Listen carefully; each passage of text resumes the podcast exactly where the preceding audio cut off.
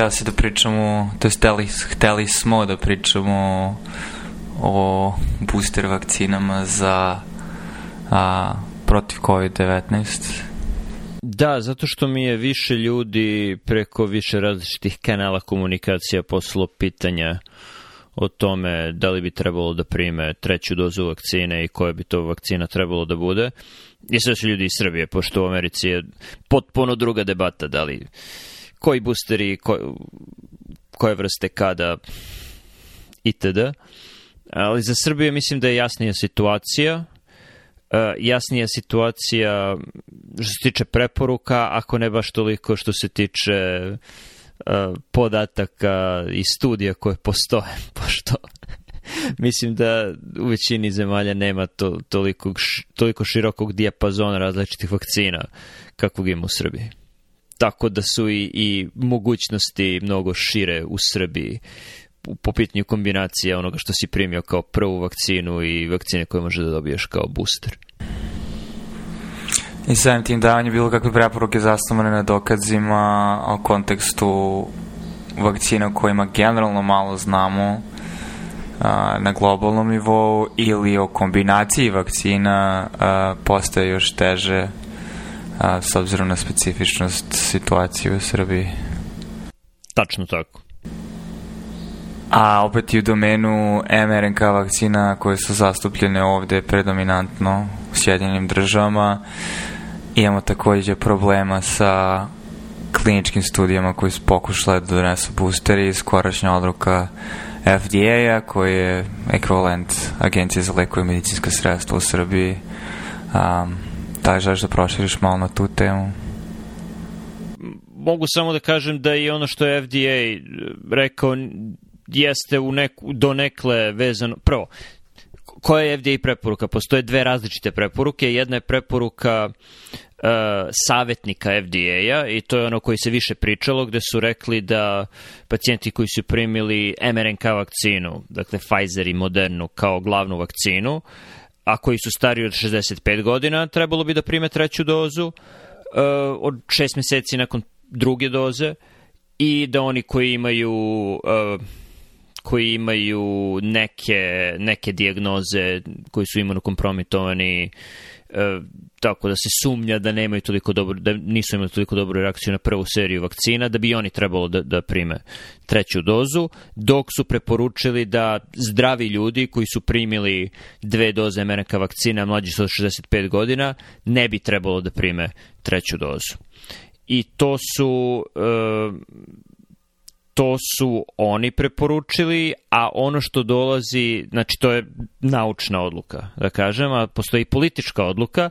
Politička odluka se menjala u poslednjih ne znam, nije šest meseci, u poslednja 3-4 meseca se menjala od onoga što je predsednik rekao na jednoj konferenciji, što je rekao na drugoj konferenciji, što je rekao sekretar za štampu, što je rekao FDA kao političku odluku nakon preporuke ovih savjetnika i ono što je rekao CDC, znači to je na sve strane.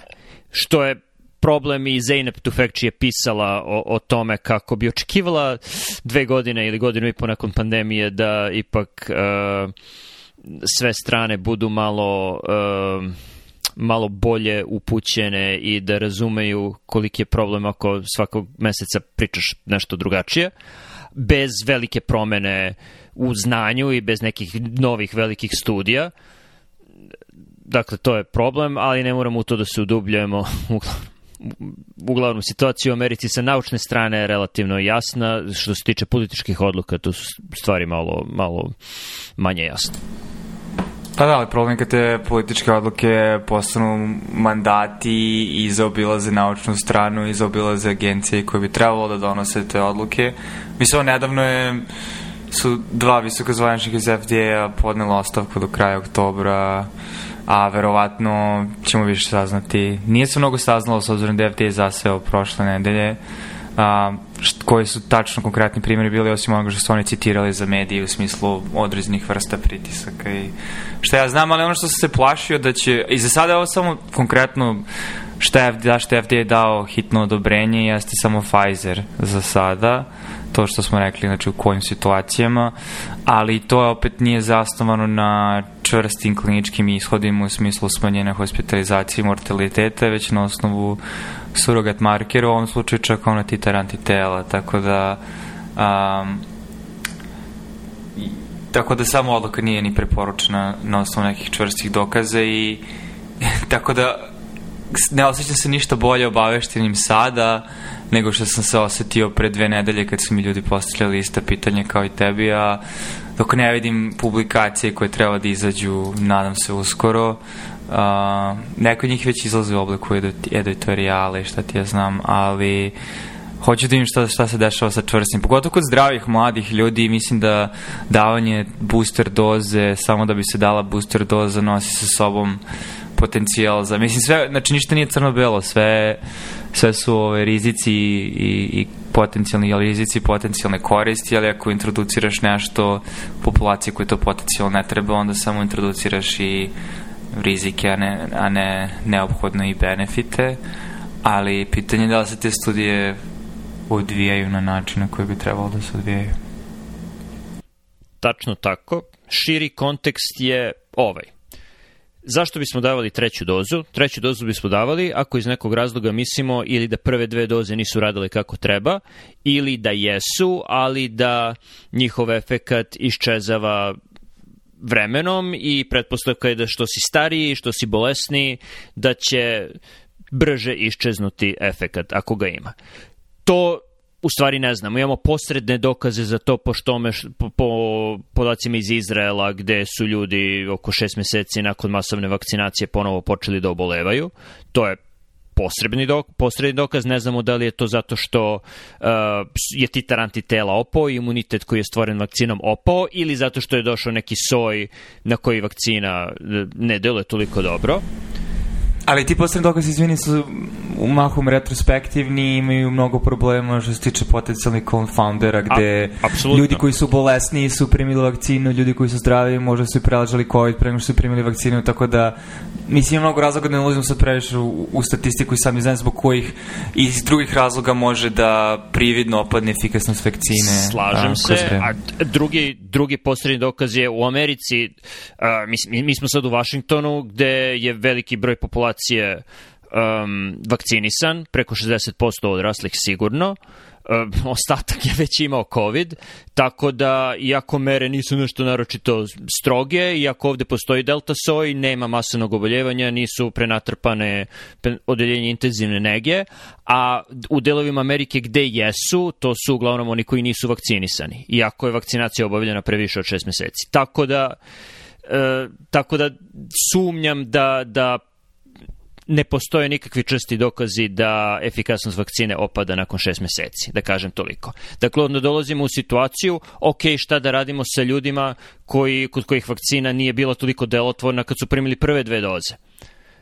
Dobro, u redu, oni, oni nisu zaštićeni, ali zašto bismo mislili da bi treća doza onda tu uopšte pomogla i da li postoje dokazi da bi pomogla, ne postoje. Dakle, ako imaš neko stanje hipogama globulinemiju, imunokompromitomanciji, primaš terapiju protiv raka, primio si prve dve doze vakcine, ali nisi stvorio neki naročiti imunitet, da li ćeš ako dobiješ tu treću dozu, da li će to tačno nešto značiti? Možda, ali nije garantovano i ne postoje dokazi da bi značilo.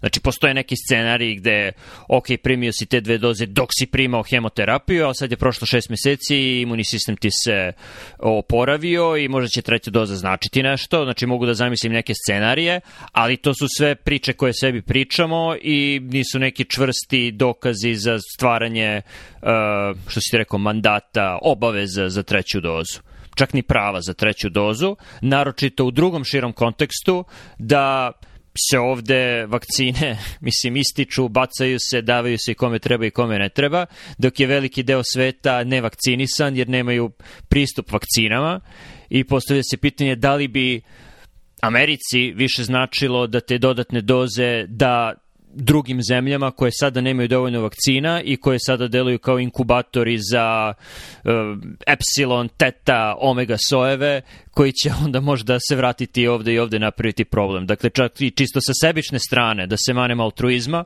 da li bi više značilo zemljama koje imaju puno vakcina, da te vakcine raspodele ostatku sveta nego da daju treću dozu. To se zahteva randomiziranu studiju paralelnih univerzuma, ali da, mislim. ne, ali slažem se da je čitava debata vrlo u ovom trenutku zakukuljena i samo da ne bih došao u situaciju. Mislim, ne mislim da su se naši stavovi nešto pretarno promenili zadnjih par nedelja, ali da li onda možeš u dve rečenice da sumiraš uh, za sada tvoj stav o boosterima u kojim situacijama ima smisla i da li je to deo tvog neke, neke lične kalkulacije, dokaza, kombinacije oba i znači da čujem tvoje mišljenje. Sada pričamo o Americi i mislim da je priča u Srbiji malo kompleksnija zato što su različite vakcine u opticaju, ali u Americi ako je neko mlađi od 65 godina i vakcinisanje MRNK vakcinom, mislim da nema bilo kakvog razloga da primi treću dozu, a zdravije. E, ono što kažem pacijentima koji su primili prve dve doze neposredno nakon hemoterapije je da neće škoditi ako prime treću dozu, ali nećemo, mislim, ne postoji nikakva garancija da će biti nešto naročito dodatno zaštićeni i dalje će morati da vode jednako računa kao pre vakcine da, da, da ne obole. Dakle, to je generalno moj stav o tome. Drugo pitanje je šta da rade Amerikanci koji su primili J&J vakcinu, za njih, koja se sastoji samo od jedne doze, tu dolazio malo do paradoksa. Oni su dobili samo jednu dozu zato što su studije rađene sa samo jednom dozom, ništa se ta vakcina ne razlikuje od AstraZeneca vakcine u kojoj su rađene studije sa dve doze, pa su ljudi primali dve doze. Nije mi jasno zašto se uopšte ne pokreće priča na visokom nivou e, politički, zašto ti ljudi ne dobiju drugu dozu Johnson Johnson vakcine ili zašto oni ne dobiju drugu dozu neke mRNK vakcine, jer za njih znamo sigurno da taj kapacitet tela da stvori imunni odgovor nije potpuno iskorišćen i oni bi definitivno mislim definitivno. Oni bi najverovatnije, znajući uh, šta se dešava sa drugim vakcinama, oni bi najverovatnije imali najviše koristi od ne čak ni treće doze, nego druge doze vakcine. Oni su potpuno zanemareni i to mi nije jasno. Zašto? Ok, ajde sad samo da opet ne, ne širimo previše priča, bi ipak želao da damo neke koliko toliko jasne, decidne stavove. Znači, u Americi booster posle mRNK vakcine u slučaju da imaš, da si onkološki pacijent um, ili na neki način imuno kompromitovan, ne na osnovu mnogo dokaza, više na osnovu ličnog stava ima smisla dati za sada, jer rizici trenutno prevlađuju uh, rizici ne dobijanja, rizici dalje dobijanja COVID-a kod takvih pacijenta prevazilaze rizike od vakcine u ovoj populaciji. Tako ja razumem tvoj stav. Da. Je to tačno? Da. Ok, to je, to je donekli moj stav. E, ajde sad da se vratim, prebacimo znači, na teritoriju Republike Srbije i ovaj, trenutna situacija tu, pošto mahom ljudi pitaju o trećoj dozi Pfizera, ali onda i u trećoj dozi drugih vakcina. Mislim da za one koji su primili Pfizer vakcinu u Srbiji važi isto ono što sam rekao za Ameriku.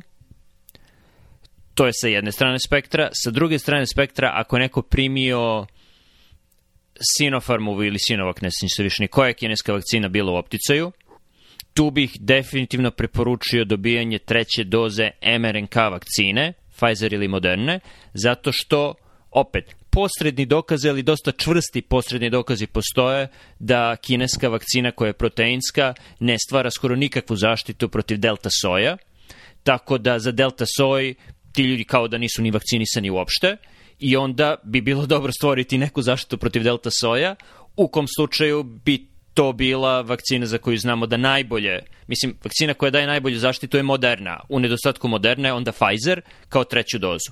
Ne postoji nikakva logika da se kao treća doza kao booster vakcina ponovo daje kineska vakcina, pošto da, možda će pomoći u zaštiti protiv originalnog soja, ali u Srbiji originalnog soja verovatno više i nema uopšte, pošto delta soj gde god dođe, on potpuno preuzme spektar SARS-CoV-2.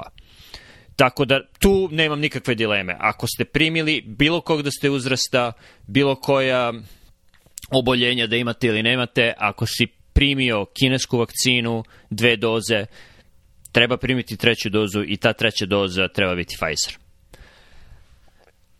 E sad, Ruska i AstraZeneca, tu ne znam. Za Rusku definitivno ne znam šta da kažem.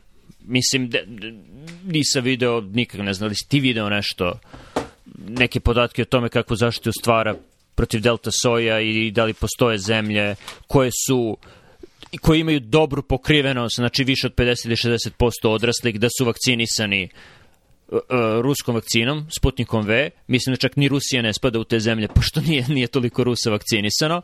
Tako da ne znam koliko ona štiti od delta soja. Tu bih grešio na stranu, opet, moj lični stav nema dokaza, da se ipak primi treća doza Pfizera. Što se tiče AstraZeneca, da. Ne, ne, nastavi, nastavi, pa ćemo da ono da... da. Što se tiče AstraZeneca, tu imamo dokaze da AstraZeneca dokazi su iz Velike Britanije, ok, štiti protiv delta soja, ne od oboljevanja, ali od teških oblika bolesti i od smrtnosti. Tu bih radio ono što radi u Britaniji. Ne znam koje su preporuke u Britaniji za, za dobijanje treće doze, ali opet, o, o, tamo imaju ljudi koji ono, tamo je veza između nauke i politike dosta čvršće, odnosno političari obično rade ono što su preporuke pod navodnicima struke, mada neki put to i nije toliko dobro kao na početku pandemije što nije bilo. Uh, ali, ali tu bih pratio ono što Britanija radi. Ne znam šta radi Britanija što, se tiče boostera, možeš sad da proveriš. I mislim da je to pokrilo sve vakcine u Srbiji. Da. Mislim, ono što, znači da sumiram, um, ako ste primili Pfizer dve doze i zdravi ste, uh, nema potrebe za boosterom, na osnovu onoga što znamo. Ako ste primili dve doze Pfizera i imate imunokompromitovano stanje ili um, znači karcinom, bilo šta, znači što daje hemoterapiju, um, što smanji imunni odgovor, ima smisla dobiti booster. Možda bi čak dodao u ovom kontekstu, ako ste u toj situaciji uradili ste antitela i ona su negativna, definitivno treba um, uraditi booster. E to je sad u kontekstu samog Pfizera. Onda druga strana, koji, druga stvar o kojoj si pričao je bila vezana za kinesku vakcinu i onda treća doza bi trebalo da bude Pfizer, s čime se ja takođe slažem. Ovde nema mnogo dokaza, ali ima najviše smisla na osnovu posrednih dokaza. I sad, jedino što možda malo se razlikujemo što ja nemam potpuno definisani stav za što se tiče boostera u, u, u domenu drugih vakcina i mislim da ih za sada ne treba primati, barem dok nema više dokaza. Ono što barem znam za Sputnik je da je vrlo efikasna i, i mislim nisam vidio nikakve signale, opet nismo niti ni ja preterano aktivno tražili po literaturi konstantno svakodnevno, ali za sada ni jedan signal o opadanju efikasnosti Sputnika dramatičan nije izašao i ona je vrlo imunogena, mislim adenovirusni vektor je u pitanju, tako da je DNK vakcina.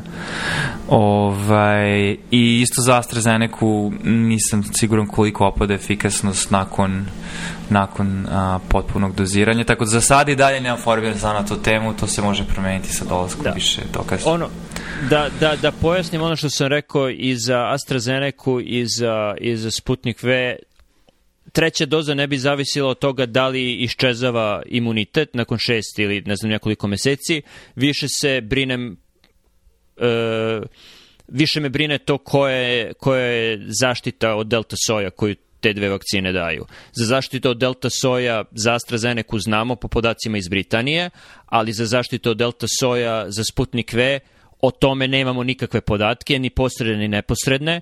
Za posredne podatke potrebno je da imaš neku zemlju u kojoj je većina populacije vakcinisana, u kojoj je većina vakcinisanih dobila tu vakcinu i u kojoj se sada nalazi delta, zo, delta soj, takva zemlja ne postoji na svetu. Znači, koliko ja znam. Da. Tako da. da ne mogu ni posredno da kažem da li ona štiti od delta soja. I u toj situaciji bih grešio na stranu bolje da pretpostavimo da ne štiti nego da štiti. Da. Ok. Dobro. Mislim da imamo u principu neki intermedijarni stav u ovom trenutku koji je ažuriran u odnosu na ono što je bio pre mesec dana, ali to se da promeniti u nekom novom smeru, pogotovo za neke stvari za koje još ne znamo. Um, ali ono, bar nešto što samo hoće da se kaže sad pre kraje, da boosteri štite mlade i zdrave u smislu smanjenja mortaliteta i hospitalizacije, te studije bi već sada izašle. Da. A, jer ne bi da farmaceutske mladi- kuće... Da. Da, mladi i zdravi ne treba da razmišljaju, da razmišljaju o trećoj dozi. Naročito oni koji su primili Ne, mladi i zdravi koji su primili mRNK vakcine ili AstraZeneca ne bi trebalo da razmišljaju o trećoj dozi uopšte. Mladi i zdravi koji su primili Sputnik V, mm, ne znam, zbog delta soja, ne zbog toga što, što imunitet nestaje. Mladi i zdravi koji su primili kinesku vakcinu treba da prime treću dozu mRNK vakcine, idealno, možda AstraZeneca, da bi se zaštitili od delta soje. Iskreno, ne znam zašto je kineska vakcina uopšte i dalje u opticaju bilo gde u svetu, naročito u Srbiji.